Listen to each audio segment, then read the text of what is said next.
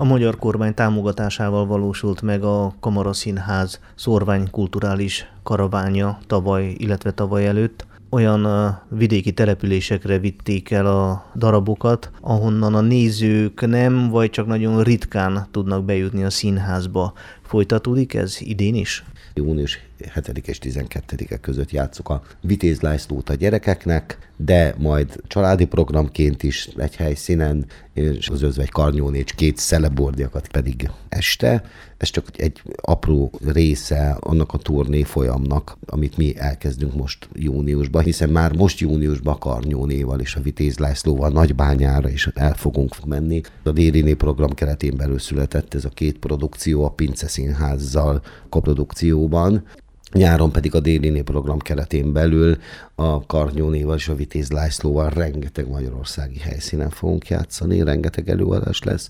Az Ördög produkciónkkal pedig a déli program keretén belül július 18 és augusztus 3 között egy 17 állomásos turnéra indulunk.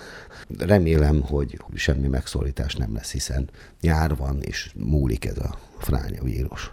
Legközelebb tehát a szorvány kulturális karavánnal kelnek útra. Hány településen láthatják majd a Kamara Színház előadásait?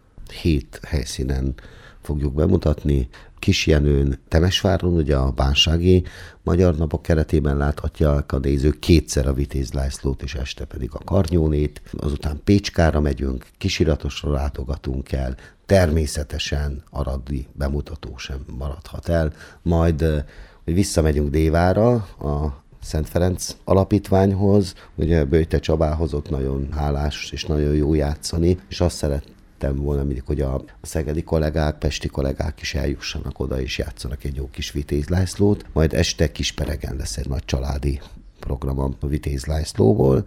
Mi már nagyon várjuk azt, hogy újra a közönséggel találkozzunk, és végre a közönség is megláthassa ezeket az előadásokat.